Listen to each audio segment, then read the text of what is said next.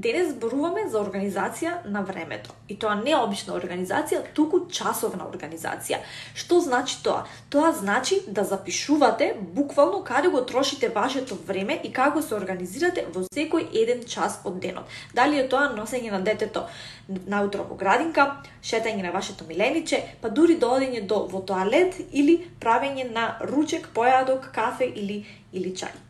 Често пати, кога сум читала за навиките и рутините на успешните жени, тие секогаш се сведувале на истиот заклучок. Сите го организираат времето по часови и тоа многу им помага да заклучат каде го трошат нивното време и што им помага да останат фокусирани и продуктивни.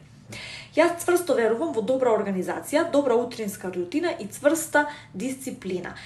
Откако почнав да го организирам мојот ден, со пишување станав многу попродуктивна не постои ништо поважно од овие три нешта за секој ден да ви биде организиран и успешен. Така ќе научите каде го трошите вашето време и нема наеднаш да се сепнете и да помислите леле потрошив 3 часа бесцелно скролајки на Инстаграм. Мислете на тоа како на рутината на едно мало дете, доколку му се поремети рутината, му се пореметува целиот ден, а со тоа и вашиот. Денеска ви даваме еден бесплатен темплейт кој што јас лично го користам за организација на моето време по часови. Истиот може да го најдете на нашиот вебсайт и бесплатно да си го превземете и да го испечатите.